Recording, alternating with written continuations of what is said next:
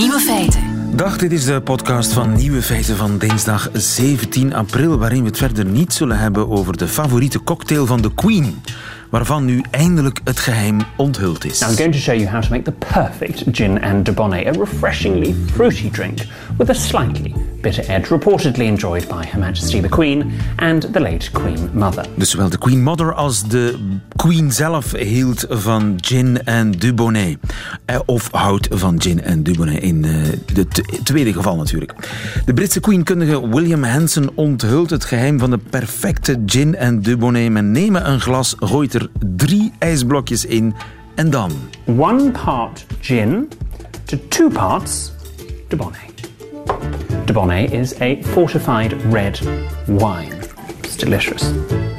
Finally, add your slice of lemon, stir, and serve as a pre dinner aperitif or enjoyed whilst listening to the latest episode of Help I Sexted My Boss. Zeer genietbaar als aperitief of bij een nieuwe aflevering van Help. Ik heb mijn baas geseksemest. Britse humor.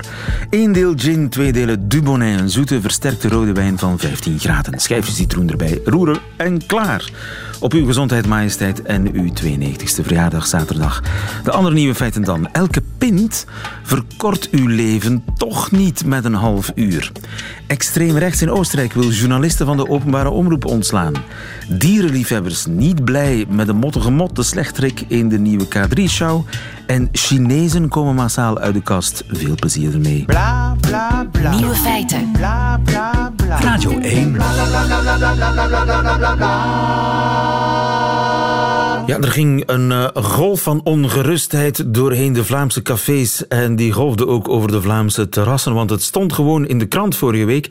Elke pint die u drinkt verkort uw leven met een paar minuten. Het stond in de krant, maar het is niet waar, zegt dokter Bonneux. Goedemiddag, dokter. Goedemiddag. Luc Bonneux, arts en epidemioloog. De kranten trokken die conclusie op basis van een nieuw onderzoek. Dat verscheen in de Lancet, en dat is wat het meest gezaghebbende wetenschappelijke tijdschrift dat we hebben. Was dat onderzoek dan fout? Uh, nee, dat onderzoek was helemaal niet fout. Uh, dat was zelfs een heel goed onderzoek. Uh, alleen hebben misschien een losgeslagen medische faculteit de resultaten helemaal veranderd. wat eigenlijk in de kranten stond, kon je het best beschrijven als fake news of nepnieuws. En wat zegt dat onderzoek dan wel? Dat onderzoek zegt eigenlijk dat onderzoek vergelijkt enkel drinkers. Hè? Dus alle mensen in dat onderzoek drinken. Of van heel weinig tot heel veel. Er zitten dus geen geheel onthouders in dat onderzoek. En dus je kan echt geen uitspraak doen over het verschil tussen drinken en niet drinken. Want dat zit er gewoon niet in. En staat eh, daar iets in over de gevaren van alcohol? Ja, en dan keek het, het keek vooral naar sterftecijfers, hè, want dat is altijd het makkelijkste. Uh, over sterfte kunnen we het eens zijn, je bent dood of je bent niet dood. Uh, dat volgde eigenlijk gewoon op, op basis wat mensen aangeven, wat mensen zeggen over hun alcoholgebruik, was er eigenlijk geen toegenomen risico tot uh, eh, 100 gram of zeg 10 eenheden alcohol per week. Uh, wat wil zeggen, dus tot 10 eenheden alcohol zie je geen toename van het sterfterisico. Maar dat is toch helemaal tegenovergestelde van wat in de krant stond? Inderdaad, ja. Uh, en daarom heb ik me ook boos gemaakt, want eigenlijk hadden de journalisten het artikel zelf gelezen. Ik bedoel, de, de, in de conclusie staat gewoon, staat iets gewoon. Er zegt gewoon van, kijk, er is geen, sterfte, geen toename van het sterfterisico tot 10 eenheden per week. Punt. Um, en maar hoe kan dat wat dan? in de krant stond, dat, dat raakt de kant nog wel. En de, de fout zit ergens in een tussenschakel tussen het artikel en de journalisten, want de journalisten zijn gaan bellen met medewerkers aan dat onderzoek, toch? Ja, inderdaad. Ja. En daar, daar zit een beetje het probleem. Uh, ik heb het inderdaad gecheckt. De Erasmus Universiteit Rotterdam, die ter zake een steeds slechtere naam krijgt, heeft inderdaad uh, een persbericht de wereld ingestuurd uh, dat, ja, zoals ik al zei, dat gewoon fake news was. dat de resultaten van dit onderzoek zelfs niet overtrok. het onderzoek zegt eigenlijk net het tegendeel. Dat zegt tot tien eenheden per week gemiddeld. En dan moeten natuurlijk uh, de beperkingen van dit soort onderzoek. Ik zou je afraden om alle tien eenheden op een zaterdagavond te drinken, want ik denk dat dat niet gezond is.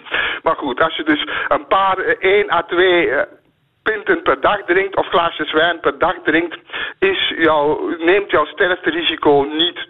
Ja, dat staat in dat artikel. En uit de studie is volgens mij ook geconcludeerd dat de gezondheidsclaims van matig alcoholgebruik, dat die claims niet kloppen. Vroeger werd beweerd een paar glazen per week is goed voor het hart. Hoe zit het daar nu mee? Uh, nee, dat, dat, ook dat, uh, het artikel toont heel duidelijk uh, wat eigenlijk ook... Want ik, ik, ik, toen ik dat eerst las, ja, ik had geen tijd, maar in het weekend had ik eventjes tijd en ging ik naar de, eigen, naar de, de studie kijken. Want ik dacht ook van, ja, dit is een hogeschool cursus manipulatie, want we weten al 70 jaar heel veel over alcoholgebruik. Hoe zou dat nou plotseling gaan veranderen door één studie? Uh, maar tot mijn verbazing zag ik dat die studie gewoon bevestigde wat we uit de vorige 50 jaar studies weten. En inderdaad, uh, alcohol beschermt tegen sterfte door hartinfarcten. Dat dus klopt wel. Dat klopt wel. Het verlaagt de sterfte door hartinfarcten. Uh, dat weten we al 50 jaar. We weten ook waarom dat, dat die sterfte verlaagt. Maar dat maakt natuurlijk wel dat het totale effect... Het is goed voor het een, slecht voor het ander. Uh, dit, dit, dit, veroorzaakt ongetwijfeld een aantal kankers. Uh, dus het is eigenlijk een balans. Ehm, en vroeger uh, toen ik uh, studeerde, geneeskunde studeerde, stierf meer dan één man op drie aan een hartinfarct. Dat is nu veel minder en daardoor is het beschermende effect van alcohol ook relatief afgenomen bijvoorbeeld in landen waar geen of weinig hartinfarcten voorkomen, bijvoorbeeld in Afrika, is alcohol eigenlijk alleen maar slecht. En dat is omdat daar geen mensen doodgaan aan hartinfarcten. Ja, bij omdat we gezonder zijn gaan leven, gezonder zijn gaan eten, minder zijn gaan roken. daarom is eigenlijk dat, die beschermende kracht van dat matig alcoholgebruik, dat is eigenlijk ja, afgenomen. Ja, zeker bij mannen. Ja. en wat dat we vroeger zegden op basis van studies, kijk, mannen mogen tot 21 uh, eh, eenheden per week drinken uh, en dan hebben ze geen verhoogd sterfterisico. Zou je nu moeten zeggen, als je het inderdaad echt enkel naar dat verhoogd sterfterisico kijkt, dan zou je eigenlijk zeker niet meer dan 15 eenheden mogen drinken. En volgens dit artikel, maar daarover valt te debatteren, tot 10 eenheden. Maar ik zeg dat daarover is het debat open. Uh, het debat is open tussen 10 of 15, maar het is zeker niet zo dat elke pint uw leven met een paar minuten verkort. Nee, Dankjewel is, uh, voor deze verduidelijking, dokter Luc Bonnet. Goedemiddag. Nieuwe feiten. En ik ga niet over Daniel Builen beginnen, de BRT-journalist ontslagen ergens in de jaren tachtig, maar ik moet aan hem denken, want in Oostenrijk dreigt de FPE ermee om journalisten van de openbare omroep te ontslaan. De FPE, de uiterst rechtse partij die sinds december in de regering zit. Filip Blom, goedemiddag. Goedemiddag. Filip, je bent historicus, schrijver en collega, mag ik wel zeggen, want jij hebt een programma op de Oostenrijkse Radio 1, U1. Inderdaad, ja. Eh, mag jij blijven? Van de ja? Dat, uh, dat is wel nog een leuke vraag, omdat de FPE die zit al een tijdje de ORF en bijzonder ook U1 aan te vallen. En dat ligt eraan dat U1 eigenlijk een vrij nog onafhankelijk journalisme heeft gepleegd en de ORF ook vrij kritisch natuurlijk over de FPE heeft geschreven. En hun associaties met nazi's en met burschenschaften, et cetera. Dus jullie, zijn, uh, jullie vertellen alles wat jullie willen en de FPE is daar niet echt gelukkig mee. Nee, tot, op, tot, nu, tot nu toe de, berichten we inderdaad wat we willen. De generaal directeur van de ORF, uh, die wordt vaak bekritiseerd, maar hij stelt zich wel voor zijn journalisten. En uh, nou, nu is de FPE in de regering en denkt, daar moeten we toch iets aan kunnen doen. En dat proberen ze dus uh, door de, de ORF te verzwakken. Ja. Eh, want eh, zondag heeft een politicus van die FPE, een oud-minister overigens, lid van de raad van bestuur van de omroep, uh, een meneer Norbert Steger, stevig uitgehaald naar de journalisten van die omroep. Wat zit hem dwars eigenlijk? Nou, hij zegt, de journalisme, hij zegt, heeft letterlijk gezegd: we gaan een derde van de uh, buitenlandse correspondenten ontslagen als ze zich niet correct gedragen. Nou, dat is ten eerste gek, omdat waarom ontslaag je een derde van je correspondenten als je geen geld wilt besparen of niet de omroep gewoon afhankelijker wil maken van andere nieuwsbronnen? Uh, het is een bizarre getal, maar wat betekent dat nou precies dat een journalist zich goed gedraagt als het niet is is dat hij schrijft of, of, zegt wat andere mensen willen dat hij schrijft of zegt. En dat was in die geval apropos van een journalisme in Hongarije die dus over Orbán en de verkiezing heeft ja, bericht. Dat is de meest, meest recente doorn in het oog van de FPE. Een van de journalisten die volgens de FPE niet deugen is, een is de correspondent Hongarije van de URF. Uh, eh, Ernst Gelex heet die en die maakte een kritische documentaire over Orbán met de titel De Democratische Dictatuur. En daarin uh, vraagt hij zich af wat Imre Nagy van Orbán zou denken. Imre Nagy, de premier tijdens de Hongaarse opstand in 56, held van de democratie, wiens standbeeld uitkijkt op het parlement. Auf dem Platz der Märtyrer im Zentrum von Budapest steht das Denkmal von Imre Nagy. 1956 war er Vorkämpfer für Demokratie und Freiheit in Ungarn. Er blickt hinüber zum Parlament. Was würde Imre Nagy heute über den politischen Zustand seines Landes sagen? Wat zou Imre Nagy ervan zeggen, Ernst Gelex, uh, over de democratische dictatuur Hongarije, die hij zo noemt? Uh, wat is hier mis mee, volgens de FPE? Ehm, nou, volgens de FPE is dat uh, niet objectief. Volgens de FPE heeft hij dus propaganda en inderdaad verkiezingspropaganda tegen Orbán in Oostenrijk gemaakt. Um, het is niet zo eenvoudig te zien hoezo dat zo is, maar het komt wel um, zeg maar in een continuatie met meneer Strage, die heeft gevraagd voor efficiëntieoptimaties in de ORF. En dat betekende dus ook mensen te ontslagen. Um, en dus er is een soort van oorlog, opbod aan de gang tussen enerzijds de extreemrechtse FPE en anderzijds de openbare omroep. Heb jij het idee dat de openbare omroep een soort activisme pleegt, dat ze aan activistische journalistiek doen? Um, nou, kijk. Eh, er zijn sterke professionele standaards in de ORF. Um, en mensen hebben hun persoonlijke sympathieën of niet, dat is zo. Maar um, ze worden wel gevraagd om objectief en uh, goed gerechercheerd berichten, verslag te geven. Um, dus is er is er een bias? Ik zou zeggen nee, dat is wel goed. Er wordt wel meestal goede journalisme gemaakt. Uh, soms is misschien iemand uh, gaat een grens over en dan zijn er instanties voor om dat te bekijken. Maar uh, grosso modo is de ORF toch wel nog een vrij onafhankelijk medium. Maar het komt in ja, het komt wel gezamenlijk met een aanval op instituties die je op het moment kunt zien in Oostenrijk van de kant van de regering en bijzonder de FPÖ. Uh, heeft instituties zoals bijvoorbeeld ook de, de geheime dienst, uh, waar een heel affaire om was. En dat, ja, dat is wel zeg maar een goede methode om een democratisch staat uit te hollen. En als je dan een kanselier heeft die daar eigenlijk niets over zegt en niet op reageert, dan eh, heb je wel een volatiele. Het, het begint te schuiven. Heb jij het gevoel dat jij of je collega's aan een soort van zelfcensuur gaan doen om maar toch geen, geen moeilijkheden te krijgen met de regering? Kijk, dat is een risico die je altijd hebt in zo'n situatie. Dat een uh, journalist denkt, daar schrijf ik dat nu. Of laat ik dat maar, omdat het toch maar alleen maar problemen op zou leveren. En dat is mogelijk, maar wij proberen dat natuurlijk ook niet te doen. Wij proberen wel um, objectief uh, verslag te geven en wel alle problemen aan te spreken. En we proberen ook met iedereen te praten, maar dat is niet, ook niet altijd eenvoudig. Ja, en moet Gelex of de andere collega's, uh, buitenlandredacteuren, moeten die nu bang zijn voor ontslag?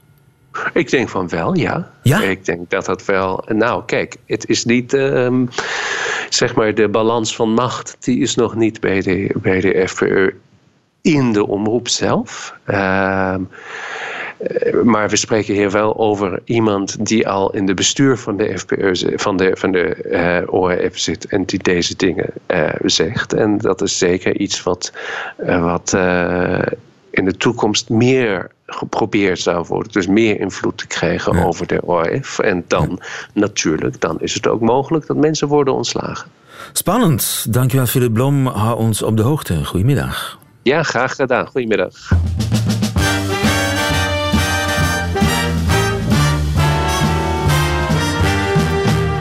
Nieuwe feiten.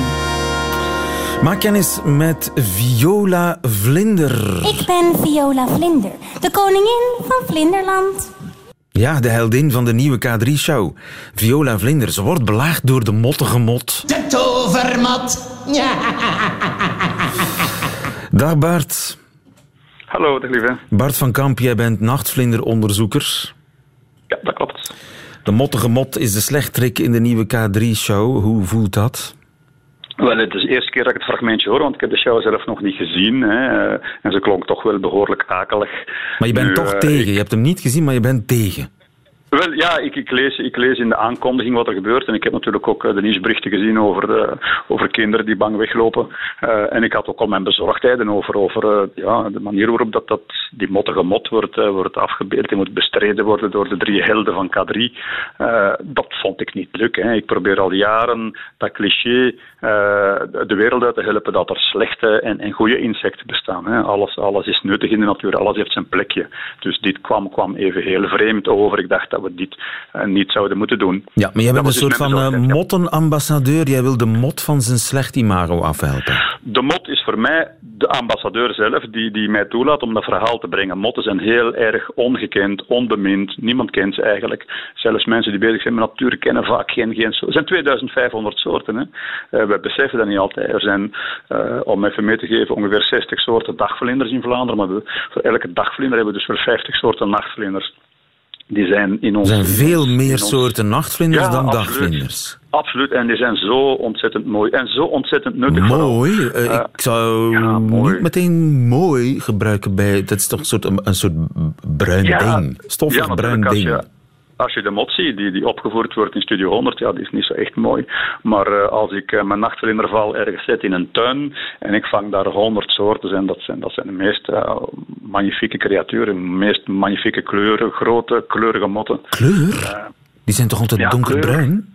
Nee, nee, nee, nee. Er zijn Ah. 2500 soorten. Er zijn niet alleen eh, heel veel variatie in vorm en, en kleur, maar ook in, in gedrag. Er zijn motten die, die, een motje die bijvoorbeeld onder water leeft. Er zijn motten die, die geen vleugels hebben. eh, eh, het is een heel, eh, heel eh, gevarieerde groep van, van insecten. Zeg maar, Bart, waarom, zijn waarom, hoe komt het dan dat ik die mooie motten nooit te zien krijg? Ja, die leven s'nachts. En, en het is helaas nog altijd zo dat we nog altijd opgezadeld worden met wat als s'nachts leeft. Dat is toch altijd een beetje vreemd. Dus vooral, we kennen het niet, we zien ze niet. De beestjes worden aangetrokken tot, eh, tot UV-licht, dus een, gewoon een gloeilamp of spaarlamp. Daar zie je er niet in. Dus eh, wij vangen die met, eh, met speciale UV-lampen. En dat is enorm. Je zou verbijsterd zijn wat er allemaal in uw achtertuin, letterlijk aan uw achterdeur, allemaal rondvliegt. Ik heb een tuinencampagne de laatste jaren. Ik denk eh het, het, het rekenkundige gemiddelde zit op 67 soorten per nacht per tuin. Maar dat kan oplopen tot 200. Dat zijn dus 200 verschillende soorten. Soms zit er wel duizend exemplaren in zo'n val. Eh, en dat is, dat is spectaculair. Zo en zou ik eigenlijk alleen maar een soort van zonnebanklamp in mijn tuin moeten zetten om die beestjes aan te trekken? Eigenlijk wel, ja, eigenlijk wel. Daar komen we op aan. Dus ze Eh, zijn toch mooi, zegt u, alleen zien we ze nooit. Is de mot nuttig? Het is absoluut nuttig. Nu, eigenlijk moeten we ons nooit vraag stellen over, is een dier nuttig? Het bewijs, of het, het bestaan van een soort is al bewijs dat hij nuttig is, dat hij past in dat grote plaatje van dat complexe evenwicht waar alles op zijn plek is, een beetje zoals een menselijk lichaam of zoals een auto. Hè. Dan kan je ook moeilijk een radartje weghalen of een orgaantje weghalen. Dan werkt het meer. Nachtvlinders doen, doen hetzelfde in de natuur. Hè. Eh, om heel, want ik krijg die vraag natuurlijk wel vaker. Wat is nu eigenlijk het nut van zo'n nachtvlinder? Wel, eh, onze vleermuis, de belangrijkste voedselbron voor vleermuizen zijn nachtvlinders. De belangrijkste voedselbron voor de meesjes in uw tuin en het roodborstje en het hegemusje in uw tuin, dat zijn eh, rupsen van nachtvlinders. Dus ze zijn als zeer eh, geschikt als vallen, voedsel. En ze steken niet, hè? Ze, ze, maken, ze Nee, doen geen nee, kwaad. nee. Behalve misschien de motten in mijn ja. jas. Tuurlijk, hè, er zijn twee soortjes die, die eigenlijk vanuit, eh, vanuit oude vogelnesten komen. Die, die, die zetten daar de pluimpjes om eh, en die durven wel eens gaatjes vreten. Dat zijn de rupsen dus, en niet de volwassen motten. Ja. Eh, die durven wel eens gaatjes vreten. Maar ja, sp- sprookjes hebben een slechterik nodig. En slechteriken zijn vaak donker en zwart. Ja, en, ja, ja, dat maar is waren we zo, hè? Ja, maar daar zijn we toch al een beetje uit, dacht ik, hè, dat slechteriken donker en zwart. Waarom hadden ze niet bijvoorbeeld bij Studio 100 de show, eh, waarschijnlijk, en ik ben er zeker van, een spetterende, wervelende show, met, met, met hele professionele dansen en muziek en, en prachtig. Ik heb ook wel shows gezien van Studio 100 en die zijn prachtig om dat te kijken. Maar dat hadden ze toch kunnen oplossen door bijvoorbeeld, waarom neem je geen slechte vlinder? In Vlinderland neem dan gewoon een slechte vlinder, een slechterik Waarom neemt er is een belangrijke nuance als dat een vlinder was geweest in Vlinderland of een mottige mot in Mottenland. Hè. Maar waarom nemen ze daar net die diergroep die het al zo moeilijk heeft? Hè? We leren, ik, ik word nu verweten dat ik een beetje een zuurpruim ben. Eh, en nog andere verwijten ook. Uh, Maar ik kan dat best plaatsen hè, door mensen die hebben altijd geleerd dat motten van onze jeugd, hè, dat motten slecht en vies zijn, best dood zijn. Uh, maar dat leren wij nu net onze kinderen terug opnieuw, blijkbaar. En dat is bij mij, bij mij, ligt bij mij zo'n beetje moeilijk. Ja, al jouw werk voor ik. Ik vind dat jammer. Goh, mijn werk, er zijn veel mensen die dat proberen om, om uh, anderen te overtuigen dat alles in de natuur op zijn plek is en dat we alles moeten waarderen. Ook de natuur dat we niet kennen, de natuur echt in uw achtertuin, uh, die we nooit zien, maar die is er wel. En die zijn nuttig, die zijn nodig. We hebben die dingen nodig. Zeg, uh, je hebt net schijnt voorgesteld om in de tuin van Hans Bourlon en Gert Verhulst, de bazen van Studio ja. 100, motten te gaan vangen. Waren ze ja. blij met je voorstel? Mm, ik heb er nog geen reactie op, op mogen ontvangen. Ik heb dat vorige maand gevraagd. Um, maar ik, ik vang dus al jaren uh, nachtvlinders in tuinen van, van, van, van politiekers en van uh, journalisten en, en schrijvers. Uh, in de hoop dat die er iets mee aan kunnen. In de hoop dat ik ja. kan charmeren met die beelden van die motten. maar ik heb nu net nog met Natuurpunt gebeurd met de vraag van... Zouden we niet kunnen Studio 100, een, een, iets aanbieden en, en, vragen van... Kunnen we niet samen iets doen om... om trauma is een groot woord, maar om die foute perceptie die kinderen nu gaan hebben, die 100.000 kinderen als, als ze buiten komen, kunnen we niks, een, een brochuurtje meegeven, een flyer meegeven of zoiets. Dus er wordt aan een dus, oplossing gewerkt? Wel, ik hoop dat Studio 100 daar, daar oren naar heeft. Dat gaan we nu voorstellen. Ik uh, ben benieuwd, Hans op de hoogte. Dankjewel. Ja, Bart van Kamp, goedemiddag. Dag. Lieven van den Houten. Radio 1. Er is iets uh, raar gebeurd in China. Daar zijn uh, Chinezen massaal uit de kast gekomen. Goedemiddag, Daan. Goedemiddag. Daan Gijzen, uh, jij zit in Beijing. Jij werkt er voor de Belgische ambassade. Wat is er gebeurd? Klopt. Hoe kwam dat? nu inderdaad, vorige week vrijdag heeft de Chinese regering een grote crackdown gedaan op een van de grootste sociale media, Weibo en heeft al gevraagd om alle homoseksuele content of inhoud van posts en video's op dat platform uh, offline te halen. In het kader van een soort uh, opschoningsactie? Een soort van opkuisingsactie voor goede morele en goede, goede zeden eigenlijk. En als tegenreactie daartegen hebben heel veel uh, homo's en lesbiennes hier in China op hun sociale media gezegd dat zij um, homo of lesbisch waren als ja, een beetje een tegendaad tegen die, die crackdown van de Chinese regering. En hoe hebben ze dat gedaan? Massaal hashtags uh, I am gay of zo? Uh, of in het Chinees dan? In het Chinees inderdaad, hashtag Wosje Trong of ik, I am homosexual. Dat hebben ze allemaal gedeeld op hun sociale media. En dat is eigenlijk een soort van nooit eerder geziene um, grootschalige collectivistische daad op, op, ja, in China eigenlijk. Dat is heel, heel uh, waanzinnig om te zien. En uh, wat is het resultaat van die actie? Nu, het resultaat van die actie, er zijn heel veel concrete resultaten eigenlijk, maar één van de, de grootste toch, het is eigenlijk een grote uh, ja, overwinning voor de LGBTI-gemeenschap hier in China, want die, die crackdown die is gestopt geweest. En de regering heeft zich volledig nu gefocust op, pornografische en gewelddadige inhoud. Maar alle homoseksuele inhoud, posts, um, video's, die mogen nu terug allemaal op dat platform staan. Dus, dus dat is een, uh, een geweldige overwinning. Uh, de Chinese overheid die plooit eigenlijk voor protest. Dat is uh, zeer on-Chinees, hè? Zeer on-Chinees, inderdaad. Dus er werd geluisterd naar het Chinese volk.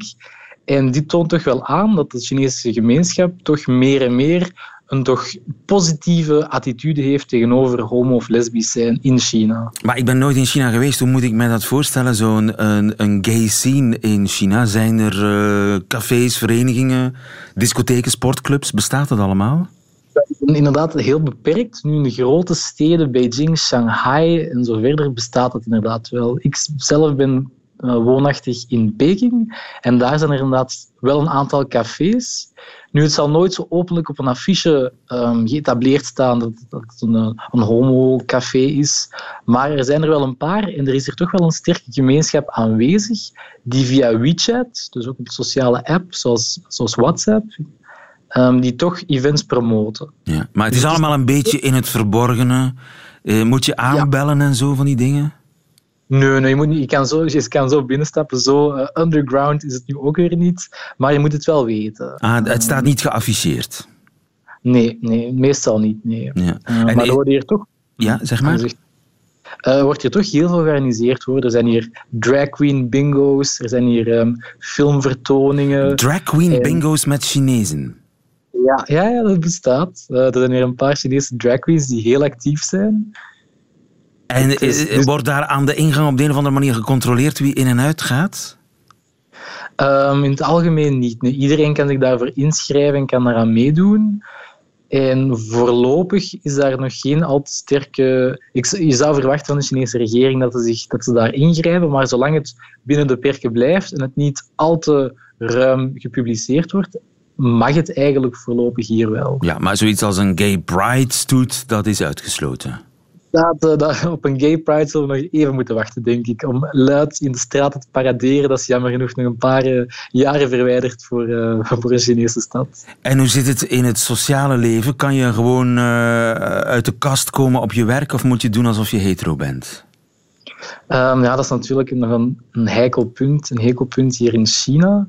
Um, waar de traditionele waarden van het gezin, man en vrouw, de samen kindje, toch nog zeer sterk aanwezig zijn de meeste Chinezen vinden het een beetje een verraden van hun ouders als ze zich zouden outen als, als homo of lesbienne. Um, en, en hoe leven ze dan? Hmm, hoe leven ze dan? Ja, een beetje, beetje verdoken. Er zijn eigenlijk heel veel getrouwde koppels, man en vrouw, waarvan dan de man met een affaire heeft met een man of de vrouw een affaire heeft met een vrouw. Voorlopig, er is ook de, de, de Engelse term beards, wat gebruikt wordt om... Beards? Een, beard, dat is eigenlijk als je een hetero-relatie hebt um, tussen bijvoorbeeld een, een, homoseksuele man en een lesbische vrouw. Die gaan dan tezamen als schijnkoppel, maar eigenlijk aan de kant hebben ze hun eigen liefdesaffaire. Ja, ja, ja. ja. Zoals dat vroeger gebruikelijk was, ook bij ons, hè? Dat, dat kwam voor ook bij ons, dat je als lesbienne trouwde met een homo en dan uh, in vriendschap Klopt. samenwoonde, terwijl de liefdesaffaires zich buiten de deur plaats uh, ja. vonden. Maar, uh, en, en beards, is dat baarden? Ik weet eigenlijk niet exact van waar het komt. Volgens mij is het een abbreviatie voor een bepaald woord. Ah ja, oké. Okay. Dat, dat, is een afkorting, maar we weten niet waar de letters voor staan. Dus een beetje, een beetje in het verborgene allemaal. Jij als diplomaat, moet jij op je tellen passen? Nu, het goed is, ik ben geen diplomaat. Ik werk hier op de ambassade als, eh, als sinoloog. Uh, wat mij heel veel vrijheid geeft, want ook al ben ik verbonden met de ambassade, ik, uh, ik, ik, ik, kan nog vrij, ja, ik ben nog zeer vrij wat ik, wat ik doe. Um, en in die mate, het is, het is fantastisch voor mij, want ik sta een beetje tussen beide werelden. Ik sta in contact met heel veel NGO's voor LBGT-rights. Maar langs de andere kant kan ik gerust op straat handen vasthouden als ik wil. Uh, ik ben geen zeer publieke persoon, dus ik zal het niet doen. Maar ik kan gerust doen, doen en laten wat ik, wat ik hier wil. Ja. Geen probleem. En zijn er uh, ja, bekende Chinezen uit de kast? Um, goh, niet dat ik weet. Ik weet wel van één bepaalde zangeres die ooit aan The Voice China heeft meegedaan. En die heeft zich wel openlijk geout als lesbisch. Maar de naam ben ik kwijt. En van anderen heb ik niet echt direct een idee eigenlijk. Ja. Nu, wat vindt Xi Jinping van die hele affaire? Ja, zijn persoonlijke mening weet ik natuurlijk niet. Maar de algemene lijn van de communistische partij is toch ze, ze promoten toch een meer traditionele levensstijl. Nu, begin 2000 is homoseksualiteit gelukkig van de lijst van mentale ziektes gehaald. Dus het wordt zeker niet door de partij als een mentale ziekte beschouwd. Maar er is toch nog altijd een bepaald stigma mee verbonden. En voor die crackdown van vorige week toont aan dat het toch nog altijd zeker geen mainstream uh, iets is. Nee, maar het, het is langzaam aan het veranderen dat kunnen we hopen nu, of het echt langzaam verandert. Ik moet zeggen, China blijft toch nog een hele traditionele maatschappij. En om echt veranderingen te zien, gaan we toch nog denk ik, een paar jaar echt moeten wachten. Het is een goed eerste teken, wat er eh, vorige week of dit weekend gebeurd is. Maar voor grote veranderingen moeten we nog niet al te direct hopen. Daan Gijzen, hartelijk dank vanuit eh, Beijing. Goedemiddag. Graag gedaan. Goedemiddag. Dag. Wat ons brengt bij het middagjournaal.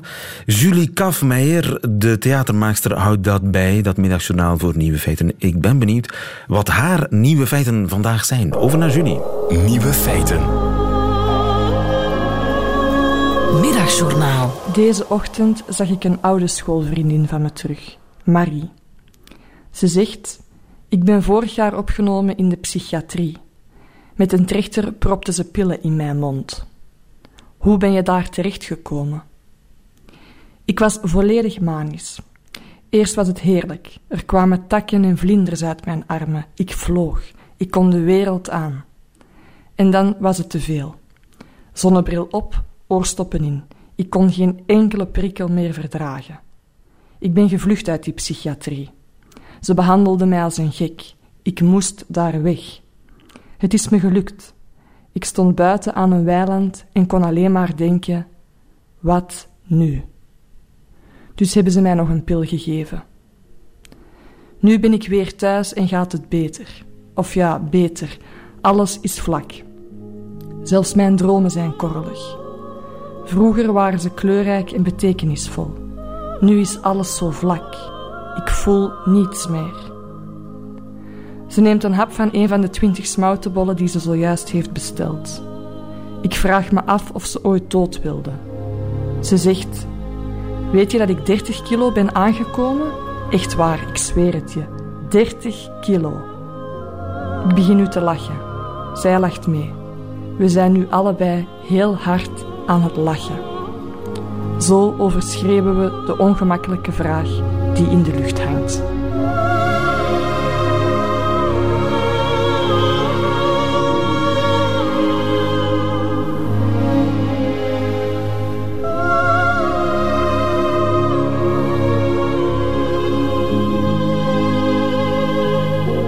Julie Kafmeijer, haar middagjournaal. Meteen het einde van deze podcast. U vindt er nog veel meer op radio1.be en op de gebruikelijke podcastkanalen. Tot nog een keer.